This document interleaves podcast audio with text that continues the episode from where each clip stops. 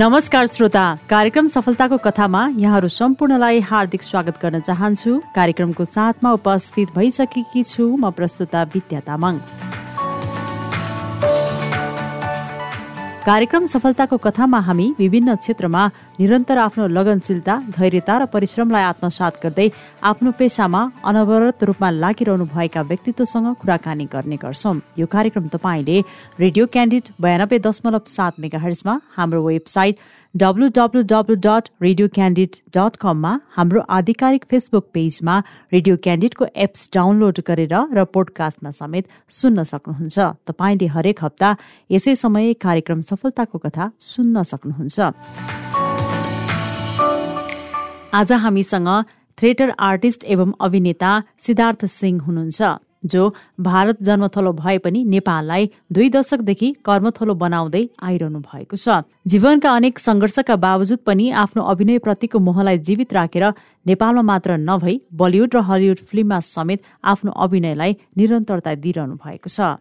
उहाँलाई म कार्यक्रममा स्वागत गर्न चाहन्छु। यहाँलाई कार्यक्रममा स्वागत छ। धेरै धेरै धन्यवाद विद्याजी। यस कार्यक्रममा आउनु पाएकोमा धेरै कृतज्ञ व्यक्त गर्दछु। अहिलेका दिनहरू केमा व्यस्त हुनुहुन्छ हजुर चाहिँ? हालै चाहिँ मेरो भर्खरै चाहिँ हाम्रो जुन चाहिँ थिएटर मण्डला थिएटरबाट चाहिँ मैले जुन चाहिँ एउटा प्रशिक्षण लिएँ त्यसमा चाहिँ ब्याच प्रोडक्सनको चाहिँ हामीले स्टेज सो गर्नुपर्ने हुन्थ्यो। त्यो हालै चाहिँ सम्पन्न भयो हाम्रो। र त्यसपछि अहिले केही प्रोजेक्टहरूमा हाम्रो कलिउडमा चाहिँ कुनै प्रोजेक्टहरूमा चाहिँ एज अ एक्टिङ मात्रै नभएन कहिले कहिले चाहिँ यसो आर्टिस्ट चाहिँ आर्टिस्ट हाम्रो जुन चाहिँ रिक्रुटमेन्ट हुन्छ नि त्यो आर्टिस्ट रिक्रुटमेन्टमा चाहिँ एज अ टिम लिडरको रूपले चाहिँ पनि गइरहेको हुन्छु। म सृजना सूत्र मार्फत चाहिँ। अब अभिनयमा चाहिँ सानैदेखि लगाव भए पनि अहिलेको यो अवस्थामा आएर चाहिँ कसरी यो दशकमा आएर चाहिँ अभिनयलाई चाहिँ एउटा व्यावसायिक रूपमा चाहिँ अगाडि बढाउने अवसर मिल्यो? हुन चाहिँ म सानोदेखि नै त्यो एउटा जुनुन त थियो म एक्टिङमा केही गर्छु भन्ने होइन। तर भनौँ न अठार वर्षदेखि चाहिँ गर्छु नै भनेर पनि प्रयास पनि गरेँ मोडलिङहरू पनि गरेँ होइन। तर अभिनय नै चाहिँ गर्ने मौका चाहिँ पाएन। त्यसपछि यो लकडाउनको क्रममा चाहिँ बाइस वर्ष यो शिक्षा क्षेत्रमा बिताइसकेपछि चाहिँ होइन अब चाहिँ एउटा चाहिँ त्यसपछि मैले अवकाश लिइसकेपछि रिइन्भेन्टको कुरा आफैमा आएँ र म यो थिएटर आर्ट सम्बन्धी चाहिँ थिएटर गरेर सिक्छु पनि र यसमा लागि पनि पर्छु भनेर चाहिँ थिएटर गर्दा गर्दै गर्ने क्रममा चाहिँ सरहरूद्वारा टिचर्सहरूद्वारा चाहिँ सिकाइसकेपछि चाहिँ म अडि मैले अडिसन पनि दिन थालेँ र त्यो अडिसन दिने क्रममा चाहिँ दुई चारवटा प्रोजेक्ट यसरी नै त्यसमा समावेश हुँदा भइसकेपछि चाहिँ बिस्तारै यसमा पनि चाहिँ यसलाई पनि प्रोफेसन बनाउन सकिने चाहिँ भन्ने महसुस भयो। हजुर अब भारतमा जन्मथलो भए पनि नेपालमा कर्मथलो बनाउनु भयो यो कसरी सम्भव भयो? नाइन्टी एटमा नेपाल प्रवेश गरेँ। त्यसपछि चाहिँ नाइन्टी एटदेखिको अहिले त्रिचालिस वर्ष पुग्यो अहिलेसम्म यहीँ छु एउटा त्यही त जन्मथलो उता कर्मथलो चाहिँ यता। अनि हुने चाहिँ मेरो आमाको चाहिँ फेरि सिन्धुपाल्चोकनिर हो उहाँ चाहिँ यल्मो कम्युनिटीबाट हुनुहुन्छ। र त्यही भएर पनि मलाई नेपालमा चाहिँ खिचिरहेको मामा घर छ नि त एउटा नि। खिचिरहेको महसुस चाहिँ सानोदेखि भइरहन्थ्यो र नेपाल आउने इच्छा पनि थियो र नाइन्टी एटमा त्यो मौका पनि पाएँ। र त्यहाँदेखि कन्टिन्युटी यहीँ नै छ अहिलेसम्म मेरो कर्म हजुर भनेपछि एउटा आत्मीयता नेपालसँग आफ्नो एउटा मामा घर भएको भएर पनि आत्मीयता चाहिँ रहिरह्यो नेपाल रहिरह्यो हजुर हजुर अब मैले हजुरले भन्नुभयो मैले शिक्षा क्षेत्रमा पनि बाइस वर्ष बिताएँ। सुरुवातीमा चाहिँ यहाँ आइसकेपछि एउटा कर्मथलोको रूपमा चाहिँ शिक्षक पेसाबाटै सुरु गर्नुभएको थियो कि। हजुर म चाहिँ एज अ नाइन्टी एटमा चाहिँ आउँदाखेरि साथीभाइहरूसँग होइन काठमाडौँमा साथीहरू थियो। त्यसमा चाहिँ मैले एउटा अब जब खोज्ने भ्यालीभित्र आइसकेपछि जब एउटा गरौँ न भन्ने हुन्छ नि त। त्यसमा चाहिँ मैले हस्टेल वार्डेनको एउटा हस्टेल इन्चार्जको चाहिँ कार्य गर्ने मौका पाएँ होइन? त्यति बेला एउटा हस्टेल थियो यो महाराजगञ्ज स्थित बच्चाहरू हेर्नुपर्ने। हामीलाई चाहिँ कस्तो हुन्छ नि भ्यालीभित्र आयो भने फुडिङ लजिङ एकोमोडेसन भएर अब अलिकति दुई चार पैसा भयो भने त्यति बेला तलब मेरो पन्ध्र सय रुपियाँ थियो। त्यो पन्ध्र सय चाहिँ चोखै बात छ भन्ने मेन्टालिटी थियो अनि त्यो गर्दै गएँ। यो कति सालतिरको कुरा हजुर? नाइन्टी एटमा ठ्याक्कै। नाइन्टी एटतिरको हजुर। भिजिट नेपाल इयर त्यही बेला म चाहिँ भिजिट भएको थिएँ। र भिजिट हुने क्रममा अब कर्मथलो नै भइसक्यो। हजुर अनि त्यहाँ विद्यालयमा अब होस्टेल वार्डेनको रूपमा बस्दा अब चाहिँ शिक्षकप्रति चाहिँ अध्यापन गर्ने अवसर कसरी जुटाउनु भयो? त्यसपछि चाहिँ त्यो to teaches to learn twice भन्छ नि त्यो चाहिँ म हस्टेल वार्डेन सँगसँगै मलाई चाहिँ अब क्लास प्राइमेरी लेभलमा पढाउने मौका पनि पाएँ इङ्ग्लिस होइन? अनि त्यसमा चाहिँ आफूले पनि अध्ययनहरू गरेँ बुकहरूलाई ग्रामरहरूदेखि लिएर हरेक चिज त्यसलाई अध्ययन गरेर टिचिङ डेमोन्स्ट्रेसन गरिसकेपछि चाहिँ म्यानेजमेन्टले चाहिँ या eligible for the teaching profession also भन्ने क्रममा चाहिँ गर्दै गर्दै जाँदाखेरि चाहिँ अप टु लोवर सेकेन्ड्री लेभलसम्म पनि पढाउने मौका पाएँ मैले इङ्ग्लिस सब्जेक्टमा हजुर। अनि हजुरले अब टिचिङ पेसा चाहिँ कहिलेदेखि चाहिँ अब मैले यो पेसा चाहिँ आफ्नै भित्र स्वत निर्णयबाट चाहिँ छोड्नु भयो कि?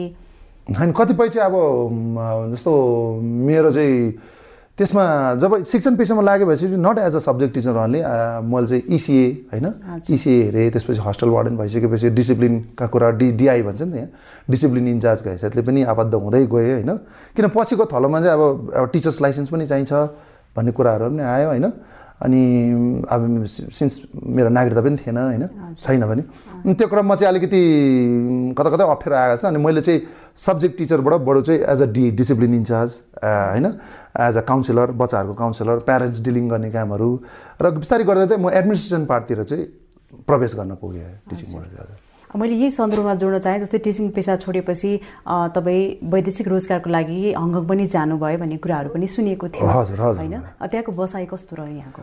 टु थाउजन्ड एटमा मैले विवाह गर्नु पुगेँ। त्यही वर्ष नै मलाई चाहिँ अब हङकङमा पनि चाहिँ जाने एउटा भनौँ न अवसर पाएको थिएँ। मेरो चाहिँ इन्डियन पासपोर्ट थियो। जान चाहिँ म नेपालबाटै गएँ होइन? हाम्रो इन्डियन पासपोर्टमा चाहिँ एराइभल भिजा नै दिँदो रहेछ उता। हजुर। अनि एराइभल भिजामा चाहिँ म पुगेँ। चौध दिनको भिजा सिद्धिसकेपछि चाहिँ जुन कामको लागि गएको थिएँ त्यो काम चाहिँ भइदिएन कि? त्यो फर्किने माहौल पनि मलाई जुटाएन कि? त्यो पनि भएन। त्यसपछि चाहिँ म ओभरस्टे बस्नु गएँ होइन? ओभरस्टे बस्नु पऱ्यो ओभरस्टे बस्नु पऱ्यो चाहिँ बाध्यतावश अब त्यहाँको अरू कामहरू जे जे जस्तो काम आउँछ च्यालेन्जेसहरू आएको थियो त्यसलाई एक्सेप्ट गर्दै गएँ होइन? अनि पछि चाहिँ आफूले एउटा इमिग्रेसनलाई पनि सरेन्डर गरिसकेपछि चाहिँ हामी चाहिँ अब त्यही हो अब राम्ररी काम गर्नु पाउँदैन होइन? कुनै व्यापार व्यवसाय गर्नु पाउँदैन भन्ने हिसाबले। तर पनि यताउति गर्दै डेढ वर्ष चाहिँ बिताएँ त्यो सिचुएसनमा मैले अब दोस्तकोलाई पनि दिन्थेँ आफ्नो लाइफको सिचुएसन हो। त्यो एउटा चाहिँ च्यालेन्जेस पनि आएको हो होइन? फर्किनु चाहिँ म तुरुन्तै फर्किनँ कतिपय होइन? अनि तर बस्दै गर्ने क्रममा चाहिँ अब जतिवटा कार्यहरू आए कहिले कहिले चाहिँ अब तपाईँको ड्रिलिङ मेसिन चलाएर पनि त्यो ढुङ्गा फुटाउने कामहरूदेखि लिएर तपाईँको बियर बियर डेलिभरी गर्ने होइन? हरेक होलसेलमा हुन्थ्यो। त्यो चाहिँ रिटेलमा गएर चाहिँ डेलिभरी गर्ने कहिले कहिले घर सफाइ सरसफाइ गर्ने कामहरू पनि पाउँथ्यो। वुडेनको काममा चाहिँ त्यसमा स्प्रेहरू लगाएर त्यसलाई अलिकति मेन्टेन गर्ने ज जे च्यालेन्जेसहरू आयो त्यो चाहिँ गर्दै गएँ। अनि हाम्रो चाहिँ नेपाल क्लब भन्ने थियो एउटा। नेपाल क्लबमा चाहिँ अब एज अ अब त्यो चाहिँ रेस्टुरेन्ट टाइपको पनि थियो होइन? क्लब टाइपको पनि थियो। त्यसमा चाहिँ अब भनौँ न क्यासियरदेखि लिएर बार बारटेन्डरदेखि लिएर इभन अब जे जस्तो आउँछ होइन? ग्लास नाच्नेदेखि लिएर क्यास ह्यान्डल गर्नेदेखि लिएर गाना पनि बजाउनु पर्थ्यो होइन? डिजे भनौँ न त्यति बेला अब डिजे पनि गर्नु पुगेँ। हरेक चिज अल इन वान गर्नु गर्नु पर्दै थियो। डेढ वर्षपछि नेपाल फर्किनु भयो। नेपाल फर्क्यो हजुर। हजुर नेपाल फर्केर चाहिँ कुन पेसालाई चाहिँ अप्नाउनु भयो यहाँले? मैले फेरि एज अ डिआईको रूपमा फेरि चाहिँ मैले शिक्षण पेसातिरै एज अ डिआईको रूपमा नै फेरि प्रवेश गरेँ। जस्तै त्यहाँनिर व्यवसायहरू पनि खोल्नु भयो भन्ने कुराहरू पनि आइरहेको थियो होइन? व्यवसायहरू पनि आफूले केही होटलहरू सञ्चालन गर्नुभएको थियो त्यसपछि। हजुर हजुर। फेरि चाहिँ अब दुई हजार आठको चाहिँ दस दससम्ममा अब जसरी चाहिँ म विदेश गएँ होइन फर्केँ फेरि एउटा केही न केही च्यालेन्ज एउटा केही चाहिँ आफ्नो पनि गर्छु नि भन्ने चाहिँ एउटा सोच त थियो तर मौका जुडेको थिएन। अनि दुई हजार पन्ध्रमा चाहिँ त्यस्तै एउटा चाहिँ मैले अब एउटा आफ्नो अठोट निर्णय लिएर म एउटा व्यवसायतिर जान्छु भनेर चाहिँ त्यहाँनिर रेस्टुरेन्ट लिएको थिएँ मोमो पसल लिएको थिएँ भनौँ न न्यु रोडमा त्यो चलाएर आठ पनि लिए गरेँ पनि तर केही महिनापछि चाहिँ फेरि दुई हजार पन्ध्र हाम्रो भूकम्प आयो नि दुई हजार बहत्तर सालको होइन। वैशाखको महिनामा एघार गते त्यो पनि त्यही टाइममा चाहिँ चार महिनापछि चाहिँ भूकम्प आएर अलिकति मलाई लड्खराइदियो त्यो भूकम्पले होइन? सबैलाई भनौँ न। अनि त्यसपछि फेरि जसो जसो चलिरहेको थियो फेरि नाकाबन्दी भइदियो। अनि त्यो गरेको आँटले चाहिँ त्यो च्यालेन्जेस लिएको चाहिँ अलिकति मलाई चाहिँ त्यो सिचुएसनले चाहिँ अलिकति फेभरेबल भएन मलाई अलिकति। हजुर। जीविकोपार्जन गर्ने क्रममा विभिन्न सङ्घर्षहरू गर्नुभयो तर पनि आफ्नो अभिनयप्रतिको जुन एउटा मोह थियो त्यसलाई चाहिँ कहिले पनि त्याग्नु भएन। हजुर। त्यो चाहिँ कसरी सम्भव भयो? यहाँमा आत्मविश्वास चाहिँ कसरी जगाउनु भयो आफूले? हजुर त्यो जुन मैले व्यवसाय गर्छु भने नि त्यो तपाईँको व्यवसाय चाहिँ त्यो जब फ्रुटफुल भएन म लसमा गएँ होइन। सिचुएसनले गर्दा अब अर्थक्वेक र नाकाबन्दीले गर्दाखेरि तब चाहिँ मलाई के भन्छ पैसाको खाँचो पऱ्यो होइन? पैसाको खाँचो पर्दाखेरि चाहिँ अब के गर्न सक्छु त? होइन? साथीभाइ अनि दाजुभाइबाट अब लेनदेन त अलिअलि हुन्छ सधैँबाट त उयो हुँदैन। तर अब जरुरी छ अब के चाहिँ गर्ने भन्दाखेरि चाहिँ मैले चाहिँ एउटा होस्टिङ गर्ने मौका पाएँ क्या। तपाईँको चाहिँ मेरो चाहिँ बुहारी हुनुहुन्छ उहाँ चाहिँ हाम्रा उयो वेडिङहरूमा कोरियोग्राफी गर्नुहुन्छ। उहाँले मलाई प्रस्ताव लगायो यसरी चाहिँ मारवाडी वेडिङहरूमा चाहिँ होस्टिङको काम छ भन्दाखेरि चाहिँ अनि मलाई त्यो ठिकै छ अब फाइनेन्सियली मलाई जरुरत पनि परेको थियो र काम पनि गर्नु त्यो गरेर नै उयो गरौँ न भन्दाखेरि चाहिँ डिफ्रेन्ट लेभलको काम थियो नि त त्यो होस्टिङ त्यसमा प्रवेश गरेँ र त्यो आफूमा भएको जुन कलाकारिता सानोदेखि थियो भन्थ्यो नि त्यो चाहिँ डेफिनेटली म स्टेजको लागि पनि बनिएको हो भन्ने मलाई लाग्थ्यो कतै न कतै। अनि त्यो च्यालेन्ज त्यो चाहिँ त्यति बेला त्यो मौका पाएँ क्या होइन? एउटा रहर पनि थियो होइन?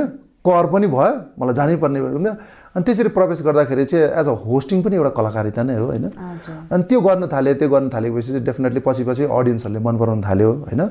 अनि मन पराउँदै जाँदाखेरि मलाई कतै न कतै फेरि म एक्टिङतिर पनि जाउँ कि भन्ने पनि थियो क्या। तर पनि फेरि अब त्यो अब जुन बिजनेसमा एप्लाई गरेको थिएँ त्यो अलिकति भइदिएन। गर्दाखेरि म फेरि यसरी नै कहिले डिआईको हैसियतले फेरि होइन? अनि त्यसपछि फेरि यो होस्टिङहरू पनि फ्रिल्यान्सिङ हिसाबले चाहिँ बिस्तारै म जानु पनि थालेँ। अनि अब त्यसरी होस्टेज गर्दाखेरि जुन एउटा आफ्नो आर्थिक अवस्था चाहिँ अलिकति सुध्रेको पाउनु भयो कि? हजुर हजुर। अब शिक्षण पेसा पेसामा चाहिँ अब मन्थली आफ्नो स्यालेरी हुन्छ होइन? त्यो एउटा लिमिटेड हुन्छ।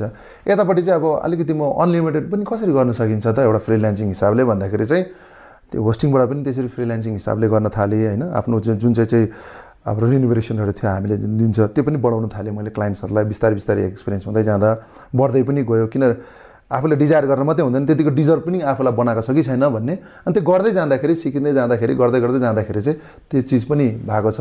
र त्यो मोमो पसलले चाहिँ मलाई फेलियर चाहिँ देखाएको हो चखाएको हो। तर त्यो फेलियरबाट अरू बाटो पनि देखायो क्या। मलाई चाहिँ जस्तो कि मैले म कहिले कहिले आइसक्रिमको पनि रिटेलमा राख्छु होइन।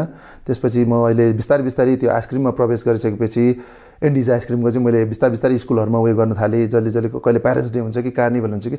र बिस्तारै बिस्तारै कार्निभल पनि गर्न थालेँ होइन सबै स्कुलहरूतिर। र अहिले प्रायः राम्रो सिजनको बेलामा चाहिँ दुई वर्ष त अब यो गर्नु पाएन। यो फागुन चैत वैशाखको बेलामा चाहिँ प्रायः कार्निभल पनि गरिरहन्छु मैले। त्यो चाहिँ त्यही मोमो पसलले नै सिकाएको बाटोहरू हो क्या होस्टिङ होइन। अनि त्यो गर्दै गर्दै क्रममा चाहिँ अब चाहिँ म बिस्तारै फ्रिलेन्सिङ गर्नु पाएँ नि त। जब फ्रिलेन्सिङ गर्नु पाएँ भने चाहिँ लकडाउनबाट चाहिँ म फेरि शिक्षण पेसाबाट अवकाश लिनु पनि पऱ्यो होइन? परिस्थितिले। अब चाहिँ म फ्रिलेन्सिङ हिसाबले जान्छु भन्ने क्रममा चाहिँ अनि पछि अब चाहिँ एक्टिङ सिक्नु सक्छु कि म फ्रिलेन्सिङ भएपछि चाहिँ? मेरो चाहिँ बाद अब अब टेन टु फाइभकै भन्ने भएन होइन? अब चाहिँ म सिक्नु जान्छु भन्ने त्यो सोचाइहरू चाहिँ बिस्तारै त्यसैबाट नै आएको अनि एक्टिङ सिक्ने क्रममा चाहिँ सुरुवाती चरणमा चाहिँ कहाँ जानुभयो हजुर? हजुर एक्टिङ सिक्ने क्रममा चाहिँ त्यही जब यो लकडाउन भयो होइन कोरोना भाइरसले गर्दा हुन्छ नि C stand for corona C stand for crisis C stand for challenge अनि म चाहिँ फ्रिल्यान्सिङ अब त्यति बेला अनलाइनको पनि थिएँ नि त नि अब टिचिङ अनलाइन अब मैले चाहिँ योगालाई अप्नाएँ त्यति बेला। योगालाई चाहिँ अप्नाइसकेपछि हाम्रो अष्टाङ्ग योग नेपाल त्यहाँ चाहिँ गएर चाहिँ मैले teachers training YTT yoga teachers training भन्ने त्यो चिज त्यस त्यो ट्रेनिङ लिइसकेपछि चाहिँ फेरि आरवाइटी पनि छ आरवाइटी टु हन्ड्रेड त्यो पनि सकाइसकेपछि चाहिँ गुरुले मलाई अन्ततिर पनि सिकाउने मौकाहरू दियो। अनि जब त्यो फ्रिल्यान्सिङ मैले फेरि त्यही हिसाबले अब अरू कार्निभलहरू त गर्नु मिलेन होइन? होस्टिङको पनि त्यो त्यो बन्द। अनि मैले आफूलाई चाहिँ योगा मार्फत चाहिँ अनलाइनको पनि हामीले क्लासेस गरेर चाहिँ रेभेन्यू चाहिँ जेनेरेट गर्न सक्छ। र म फ्रिल्यान्सिङ हिसाबले चाहिँ म अब यता कलाकारीमा जान सक्छु भनेर चाहिँ मैले दुइटा चिज त्यति बेला चाहिँ आफ्टर लकडाउनमा ड्युरिङ लकडाउनमा चाहिँ योगा अनि त्यसपछि थिएटर अनि थिएटर सिक्ने क्रममा चाहिँ म मण्डला थिएटर जुन चाहिँ हाम्रो पहिला चाहिँ पुरा यो अनमनगरमा पुरानो मण्डला थिएटर चाहिँ अनमनगर स्थितै थियो। त्यहाँ चाहिँ गएर मैले जाँदाखेरि प्रवेश गर्दाखेरि बुद्धि तामाङ सरलाई भेटेँ अनि सोधेँ मैले यहाँ म सिक्न चाहन्छु होइन। म चाहिँ यतिको बा अब एज फ्याक्टरले गर्दाखेरि बयालिस हो। अनि अब नेसनालिटीको कुरा पनि आयो सिक्नु पाउँछ कि पाउँदैन सर होइन। पहिला पहिला फेसन मोडलिङतिर चाहिँ कन्टेस्ट लड्छु भन्दाखेरि चाहिँ अब त्यही ना नागरिकताको क्राइटेरियाहरू आउँछ नि त सिटिजन। त्यो लड्नु पाउँदैन थियो डिमोरलाइज हुन्थे। त्यहाँ सोद्धाखेरि चाहिँ सरले चाहिँ होइन पाउँछ। यहाँ चाहिँ कुनै त्यस्तो ब्यारियरहरू छैन। थिएटर भनेको आर्ट भनेको एउटा कलाकारिता क्षेत्र भनेको त्यस्तो हामीले कुनै ब्यारियर राख्दैन। न एज न रिलिजन न कास्ट न नेसनालिटी कुनै पनि त्यस्तो छैन। जस एडमिसनको हामी खोल्छौँ त्यति बेला हेर्नुहोस्। भनेर चाहिँ उहाँ सरले मलाई केही सजेसनहरू दिनुभयो। त्यसपछि मैले मण्डला थिएटरको चाहिँ फेसबुक पेज इन्स्टाग्राम पेजहरू फलो गर्दै गएँ।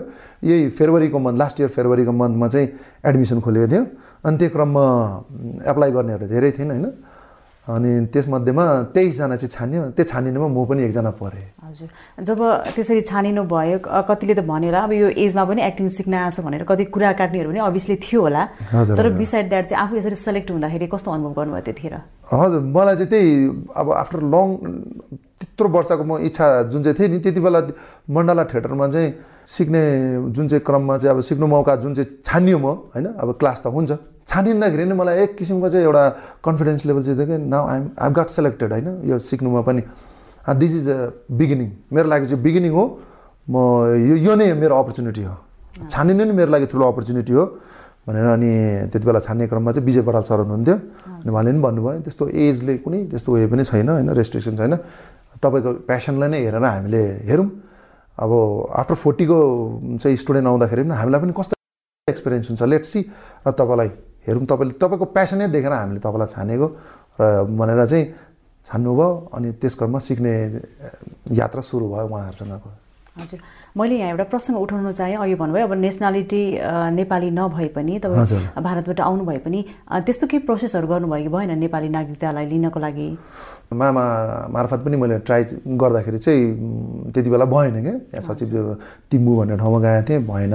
यसरी चाहिँ प्रोसेस मिल्दैन आमा नै चाहिन्छ। कति अब फेरि आमा पनि एक्सपायर हुनुभयो।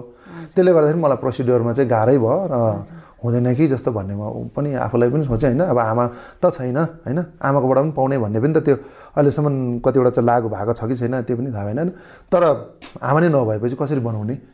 भन्ने भयो नि त। अनि त्यो चिज चाहिँ मैले त्यो चिज चाहिँ पाउ पाएन भनौँ न। अब जस्तै नेपालमा कर्मथलो बनाइरहँदाखेरि त्यो कुराहरू नहुँदाखेरि अलिकति आफूलाई पनि खल्लोपना महसुस गर्नुहुन्छ कि हुन्न? हजुर। कता कतै चाहिँ जाँदाखेरि पहिला पहिला ब्याङ्क एकाउन्ट खोल्नु नपाउँदा। होइन? तपाईँको सिटिजनसिप नहुँदाखेरिको कतिवटा क्राइटेरिया छ नि ड्राइभिङ लाइसेन्स बनाउनु पनि गाह्रो होइन? अनि तपाईँको ब्याङ्क एकाउन्ट खोल्नु गाह्रो। तपाईँको इन्सुरेन्स गरिदिँदैन। होइन? त्यो चिजहरूले मलाई एकदम गाह्रो चाहिँ बनाएको अनि कहिले कहिले विदेशैमा छु। नेपाल पनि विदेशै जस्तो लागेको छ कहिले कहिले चाहिँ त्यो चिजहरू नहुँदा हुन त म पुरै युज टु भइसकेँ होइन? नेपालको इन्भाइरोमेन्टमा छ। तर त्यो चिजहरू चाहिँ नपाउँदाखेरि चाहिँ कता कता अप्ठ्यारो चाहिँ फिल भइरहेको हुन्छ आजको यो स्टेजमा आएर थाहा पाउनुभयो ममा पनि कलाकारिताको गुणहरू रहेछ भने त्यो बेलामा किन प्रयास गर्नु भएन? जुन हस्टेल वार्डनको मैले कार्य पाएँ त्यसलाई नै गरौँ न त यसरी गर्दै जाउँ न त भन्दै त्यो गर्दै गर्दै जाँदाखेरि चाहिँ आफ्नो रेस्पोन्सिबिलिटी चाहिँ होइन। प्यासनलाई चाहिँ बिर्सिन थालेँ। सस्टेन हुनुपर्छ पहिला। होइन भ्यालीभित्र चाहिँ सस्टेन हुनु पहिला जान्नुपर्छ। भनेर चाहिँ त्यो प्यासनलाई चाहिँ बिस्तारै मैले त्यही त्यसबाट चाहिँ पर्दा हाट्दै गएँ कि जस्तो पनि लाग्यो क्या। अनि तर पनि टु थाउजन्डतिर चाहिँ मैले मोडलिङहरूतिर पनि ट्राई चाहिँ गर्थेँ। मोडलिङ मार्फत पनि म छिर्छु नि भन्ने। सबै चाहिँ थाहा थिएन कि मतलब थिएटरहरू छ यहाँ चाहिँ सिक्नु मौका पाइन्छ भने त्यो त्यो चाहिँ थाहा पनि थिएन र जुडाएन पनि के। अनि पछि पछि यो टिच जुन चाहिँ एडमिनिस्ट्रेसन पार्टमा जाँदाखेरि चाहिँ एज अ डिआईको रूपमा चाहिँ कहिले कहिले कलेजको चाहिँ सिक्स एएम टु बेलुका सिक्स एएमसम्म पनि हुन्थ्यो नि त। कलेजको भ्याएर फेरि स्कुलमा जान्थेँ। स्कुल पछि फेरि स्कुल गर्दा भने बेलुका पाँच छ बजिहाल्छ होइन। त्यो सिक्स टु सिक्स इङ्गेजै भयो नि त। त्यसपछि त टाइम पाएन मैले कहीँ गएर सिक्ने यताउति भनेपछि चाहिँ। अनि त्यसपछि चाहिँ खोइ नजुडाएको त्यति बेला। त्यो सिचुएसनले चाहिँ नजुडाएको मलाई। इच्छा हुँदा हुँदा पनि नजुडाएन त्यो। हजुर। अब थिएटरमा चाहिँ कसरी आबद्ध हुनु पुग्नुभयो सुरुवातीमा? हजुर थिएटरमा त्यही मैले यो लकडाउनको क्रममा चाहिँ मैले चाहिँ मेरो मिसेसलाई दुइटा चिज भनेको थिएँ। आफ्टर नाउ अब यत्रो बाइस वर्ष त मैले गरेँ टिचिङ पेसामा होइन? मेरो विद्यार्थीहरू अहिले देश विदेशतिर सबैतिर छन् होइन? अनि अब चाहिँ म ठिक छ मेरो रेस्पोन्सिबिलिटी ड्युटी र रेस्पोन्सिबिलिटी मैले बाइस वर्ष निभाएँ।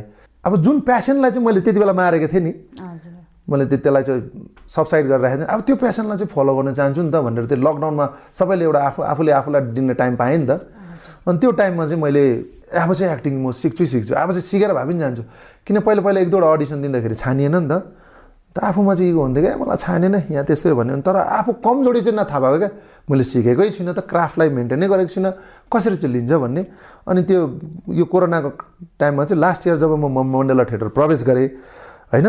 सरहरूबाट सिक्ने मौका पाएँ। त्यसपछि जुन चाहिँ सेलेक्सन भयो त्यसपछि छानियो होइन? छानिसकेपछि सबै टिचरहरू हाम्रो सोमनाथ सर हुनुहुन्छ विजय बराल सर हाम्रो के अरे बुद्धि तामाङ सर दयाङ सर अनि लगायतका हाम्रो विकास जोशी सर होइन?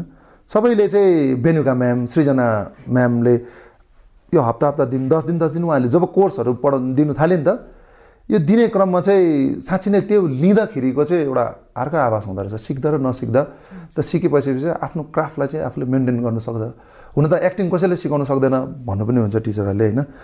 तर टुल्स एन्ड टेक्निक्स जति दिन्छ नि हाम्रो मेन्टरहरूले। त्यो मेन्टरलाई चाहिँ मेन्टरले दिएको टुल्स एन्ड टेक्निकलाई चाहिँ आफूले चाहिँ प्र्याक्टिस पनि हो एउटा। अनि त्यसलाई कसरी लिने र त्यसलाई चाहिँ कसरी इम्प्लिमेन्ट गर्ने भन्ने चिजहरू पनि गर्दै गएपछि चाहिँ थाहा पाउँदै गयो होइन। अनि त्यसपछि अडिसनको कुराहरू नै आयो। अडिसन दिँदाखेरि चाहिँ सेलेक्सन हुँदाखेरि चाहिँ ए सिकेर आइसकेपछि चाहिँ डेफिनेटली अहिले भएको चाहिँ मलाई त्यही महसुस भइरहेको छ हजुर भनेपछि आफ्नो सङ्घर्षका बावजुद पनि आफ्नो जुन एउटा पे सोख थियो त्यसलाई भनौँ न एउटा जुन एउटा प्यासन थियो त्यसलाई चाहिँ कहिले पनि मर्न दिनु भएन होइन? हजुर अहिले चाहिँ दिएन। मैले यो कोरोना पछि चाहिँ त्यसलाई चाहिँ उजागर गरेँ त्यसलाई रिजोनेबेट गरेँ। अनि अब चाहिँ सिक्नु पनि जान्छु र सिकिसकेपछि त्यसलाई सिकेर मात्रै सीमित राख्दिनँ। अडिसन जहाँ जहाँ हुन्छ भेट्न जान्छु भन्ने अब यही क्रममा चाहिँ बलिउड मुभीमा खेल्ने अवसर चाहिँ कसरी जुट्यो हजुरलाई? हजुर त्यही हाम्रो जस्तो टिचर्सहरूले चाहिँ दुई महिने कोर्स चाहिँ हाम्रो सम्पन्न भइसकेको थियो होइन। प्रोडक्सन ब्याच प्रोडक्सन चाहिँ बाँकी थियो। अनि त्यही क्रममा चाहिँ अडिसनहरू दिनु थाल्यो नि त। अनि त्यो ब्याच प्रोडक्सनको जुन चाहिँ स्टेज सो चाहिँ अलिकति पोस्टपोन भएको थियो क्या हाम्रो मण्डल हटेरबाट कोरोनाको कारणले गर्दाखेरि पनि। अनि त्यति बेला चाहिँ अडिसनहरू आउँदाखेरि चाहिँ दिनु जान्थ्यो कि। त्यति बेला अब मास्क लगाएर भए पनि अडिसन जानु चाहिँ दिउँ न भन्ने खालको सिचुएसन थियो। जाने दिने क्रममा चाहिँ अडिसन दिँदै जाँदाखेरि चाहिँ मलाई चाहिँ सृजना सूत्र हाम्रो सृजना सूत्रमा सुभाष प्रधान सर हुनुहुन्छ। उहाँले चाहिँ एउटा अडिसनमा देख्नुभयो। अनि त्यो अडिसन चाहिँ बलिउडकै थियो क्या सरप्राइज भन्ने मुभीको गइसकेपछि चाहिँ त्यहाँ त्यो अडिसनको चाहिँ खासै उयो त्यसको आउटपुट चाहिँ अहिलेसम्म के आयो कसो आयो भन्ने भएन होइन? तर सुभाष सरले देखिसकेपछि चाहिँ सृजना सूत्रमा त्यहाँबाट आबद्ध भयो होइन? त्यहाँ रेजिस्ट्रेसन गराएँ। त्यसपछि चाहिँ त्यहाँबाट चाहिँ अडिसन कलहरू कास्टिङ कलहरू आइरहेको मैले जानकारी पाएँ। र दिनु थालेँ। त्यही दिने क्रममा अनि यो उचाइको पनि चाहिँ यसरी चाहिँ आएको छ कास्टिङ कलको लागि। चाहिँ दिनुहोस् है भन्ने क्रममा चाहिँ अनि म गएँ। त्यसपछि हाम्रो थ्री विलर्सको पुष्प न्यौपाने सरसँग भेटवार्ता पनि भयो र उहाँले हेर्ने बित्तिकै अडिसन लिइसकेपछि चाहिँ उचाइको चाहिँ एउटा उचाइमा चाहिँ एउटा प्रवेश गर्ने कनेक्ट भयो भनौँ न। हजुर। भनेपछि यसरी बलिउड मुभीमा खेल्ने अवसर पनि जुटाउनु भयो। हजुर। त्यो जुने क्रममा चाहिँ खासमा चाहिँ पहिला हाम्रो उसको डुब्स बमन इरानी छ फुट एक इन्च देखेँ मलाई। बमन इरानीको डुब्स भनेर चाहिँ छानेको थियो। पछि सुटिङको दुई दिन अगाडि चाहिँ ठक्कै थाहा भयो कि ल इरानी त अर्कै छान्नु भयो। मलाई त फेरि ला छानेछ त म त फेरि पाउँदिनँ कि भनेको त पछि पुष्पा सरले सुभाष सरले तपाईँ ड्युसमा होइन झन् शेर्पाको रोलमा चाहिँ लिडरको हिसाबले छानिनु भएको छ भन्दा झनै खुसी लाग्यो। हजुर। अनि हलिउड मुभीतिर पनि प्रवेश गर्नुभयो कि? हलिउड भन्दाखेरि अमेरिकन फिल्म मेकर हाम्रो इएन क्लाइमेट हुनुहुन्छ होइन उहाँले चाहिँ मेङ्गो पिकल दुई हजार दसमा दुई हजार दसमा नै अडिसन दिँदाखेरि छानिएको थिएँ। दुई हजार दसमा खेले पनि एउटा क्यामियो रोल छ एज अ सुपारी किलर भिलेनको एउटा एन्टागोनिस्ट त्यो चाहिँ अहिले सायद एमाजोन प्राइम ओटिटीमा ओटिटी डेब्यू चाहिँ मेरो भनौँ न पहिल्यै भइसकेको छ दुई हजार बिसमा। उहाँले चाहिँ त्यो चाहिँ ओटिटी प्राइम एमाजोनमा गर्नुभयो होइन। त्यसपछि अस्ति तेन्जिङको पनि चाहिँ अडिसन कल आएको थियो तेन्जिङ शेर्पाको जुन पाए त्यसमा पनि अडिसन चाहिँ दिइसकेको छु। आज यो अवस्थामा आइपुग्दाखेरि जीवनमा विगतमा धेरै सङ्घर्षहरू गर्नुभयो तर पनि आफूमा जुन एउटा प्यासन थियो त्यसलाई कहिले पनि मर्न दिनु भएन र आज अभिनयमा जे भए पनि एउटा व्यावसायिक रूपमा लागिरहन पाउँदाखेरि आफूलाई कस्तो फरक अनुभूति गर्नुभयो यहाँले? हजुर अहिले चाहिँ डेफिनेटली यो प्रोफेसन भन्छ नि त नि। अहिलेको चाहिँ प्रोफेसन पहिलाको प्रोफेसन चाहिँ के भन्दा DI administrative incharge ECA incharge होइन हस्टेल इन्चार्ज भन्ने थियो। हजुर। अनि त्यो पनि मैले जिम्मेवारीपूर्वक गर्दै गर्दै बाइस वर्ष गरेर अवकाशले चाहिँ अहिले अहिले चाहिँ के त टी प्रोफेसन भन्दाखेरि चाहिँ न अहिले चाहिँ लेख्छु म as an actor theatre artist host freelancer event हो होइन इभेन्ट प्लानर इभेन्टहरू पनि गर्छु म। त्यो चिज चाहिँ डेफिनेटली एउटा कुन किनभने जुन चिजबाट चाहिँ तपाईँको चाहिँ एउटा पारिश्रमिक आउँछ भने त्यसलाई त प्रोफेसन भन्छ नि त होइन? त्यही चिज नै मलाई अहिले चाहिँ डेफिनेटली यो चलचित्र क्षेत्रमा पनि कार्यहरू पाइरहेको छु पारिश्रमिक पनि पाएको छु र त्यसले गर्दाखेरि आफूलाई एउटा प्रोफेसन चाहिँ के हो भन्दा एक्टर भन्ने चिज चाहिँ अलिकति महसुस गरिरहेको छु। यो समयमा आइपुग्दाखेरि जस्तै अब अभिनयमा लाग्दाखेरि साथीभाइको साथ सहयोग आफन्त एउटा पारिवारिकको साथ सहयोग चाहिँ कस्तो पाउनुभयो यहाँले? हजुर यसमा प्रवेश गर्ने क्रममा त आफ्नो त्यो सङ्घर्ष छ नि त नि। कसरी गयो क्लास लिनेदेखि लिएर यताको फेरि अब आफ्नो कार्यक्षेत्रको कुराहरू हुन्छ। अब सिक्ने क्रममा चाहिँ behind me my wife has always supported me मेरो श्रीमतीले चाहिँ एकदमै तपाईँ निर्धक भएर आफ्नो क्लास लिनुहोस् थिएटर क्लास लिँदै गर्नुहोस् होइन? अनि उहाँ चाहिँ टिचिङ गर्नुहुन्छ होइन? As a home home home tutorial गर्नुहुन्छ। अनि she was she was always a supporting person for miss होइन? एउटा सोलमेटको कारण। अनि त्यो सपोर्ट गर्दाखेरि मलाई ऊर्जा आउँथ्यो नि त। म यसलाई जसरी पनि सिक्नुपर्छ जसरी पनि गर्नुपर्छ। भन्ने चिज चाहिँ अब लकडाउनको क्रममा त गाह्रै थियो नि त। हरेक कार्यक्षेत्र नै बन्दै थियो होइन? त्यति बेला अनि हामी दुईजना चाहिँ घरमा पनि चाहिँ तपाईँको ट्युसन्सहरू पढाउने हाम्रै आफ्नो उयसमा र उहाँ चाहिँ होम ट्युसन पनि पढाउनुहुन्छ। अनि त्यो क्रममा चाहिँ गाह्रै थियो क्या। अनि त्यो सपोर्टहरू चाहिँ मोस्टली फर्स्ट आफ्नो सोलमेटकोबाट जीवनसङ्गिनीबाट पाउँदाखेरि चाहिँ गर्नु सक्छु भन्ने खालको हुन्छ। त्यसपछि अरू फ्यामिली मेम्बर्सहरूले पनि फ्रेन्ड्सहरूले पनि सपोर्ट गर्नुभयो। राम्रो गर्दैछ ठिकै छ गर्ने क्रममा। अनि त्यो कार्यक्षेत्रमा पनि प्रमाणित प्रवेश गरेर प्रस्तुत गरेर प्रमाणित पनि गर्दै गयो एउटा आफ्नो जुन एउटा सोख थियो प्यासन थियो त्यसलाई चाहिँ एउटा व्यवसायिक बनाउन पाउँदाखेरि जस आफूलाई पनि एउटा प्राउड महसुस अभियसली गर्नुहुन्छ होला। एकदम एकदम एकदम। अहिले चाहिँ त्यो गर्वलाई घमण्ड त कहिले गर्नु हुँदैन गर्व चाहिँ एकदम मलाई लाग्छ होइन? किन? छिरिसकेर जस एउटा गर्दैछु। होइन सिकेँ पनि क्राफ्टलाई कार पनि गरेँ र त्यसलाई प्रस्तुत गर्ने मौका पनि पायो होइन? त्यो मौका पनि पाएँ। अब त्यसले गर्दाखेरि चाहिँ के भने अब गरिरहेको छु। अरू फेरि अहिले चाहिँ अब ठिक छ एकैचोटि त आर्टिस्ट ओभरनाइटै उयो हुन्छ कतिपय होला अब होइन? हाम्रो चाहिँ के भने नि यो क्षेत्रमा छ प्रोसेसिङ एक्टरहरूलाई गाह्रो छ एसपायरिङ तर अहिलेलाई एक्टिङ मात्रै नभएर म अरू चिजहरूमा पनि प्रोडक्सनका कुराहरू जब कि आर्टिस्टहरू चाहिँ सिजना सूत्रबाट रिक्रुट गरिदिन्छ नि त्यसमा चाहिँ एज अ टिम लिडरको हिसाबले जान्छु। त्यहाँ चाहिँ एउटा कोअर्डिनेसन गरिदिन्छु प्रोडक्सन टिमसँग त्यो क्षेत्रहरू पनि छ जहाँ चाहिँ तपाईँले आफ्नो रेभेन्यू जेनेरेट गर्नु सक्दो रहेछ र यसरी सपोर्ट पनि पाइरहेको छु। एक्टिङ गर्ने मौकाहरू पनि पाइरहेको छु। हजुर जोस् एउटा आफूलाई आज यो स्टेजमा आइपुग्दाखेरि आफ्नो एउटा जीवनसङ्गी आफ्नो आफन्त भएको साथसाथ धेरै पाउनुभयो। हजुर। अब जस्तै मैले अन्तमा हजुरलाई एउटा प्रश्न राख्न चाहेँ जस्तै लाखौँ मानिसले हामीलाई सुनिरहनु भएको छ हेरिरहनु भएको छ जीवनमा सफलता भनेको के रहेछ? सफलता त भनौँ न जस्तो चाहिँ तेजिङ शेर्पाले हिमाल चढ्यो। त्यो टाइममा फर्स्ट टाइम हेडमा निलेर द्याट इज सक्सेस होइन? त्यो अब जस्तो निम्स दाले हालै चाहिँ फोर्टिन पिक्स चढ्नुभयो द्याट इज अल्सो सक्सेस अनि हाम्रो एज एन आर्टिस्ट चाहिँ म चाहिँ के भन्छ एचिभमेन्ट मेरो चाहिँ म चाहिँ उपलब्धि। अब सफलता त के हो मैले होइन? फिल्म रिलिज भएको छैन अथवा के कसो सक्सेस भन्दा एचिभमेन्ट चाहिँ जुन मेरो म मेरोमा आफैमा परिवर्तन देखेँ नि त्यो चाहिँ मेरो एचिभमेन्ट उपलब्धि हो।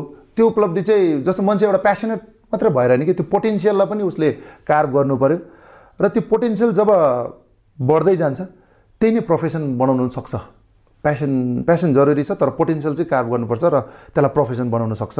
त्यो प्रोफेसन बनाउँदै गयो भने एचिभमेन्ट बिस्तारै हुँदो रहेछ।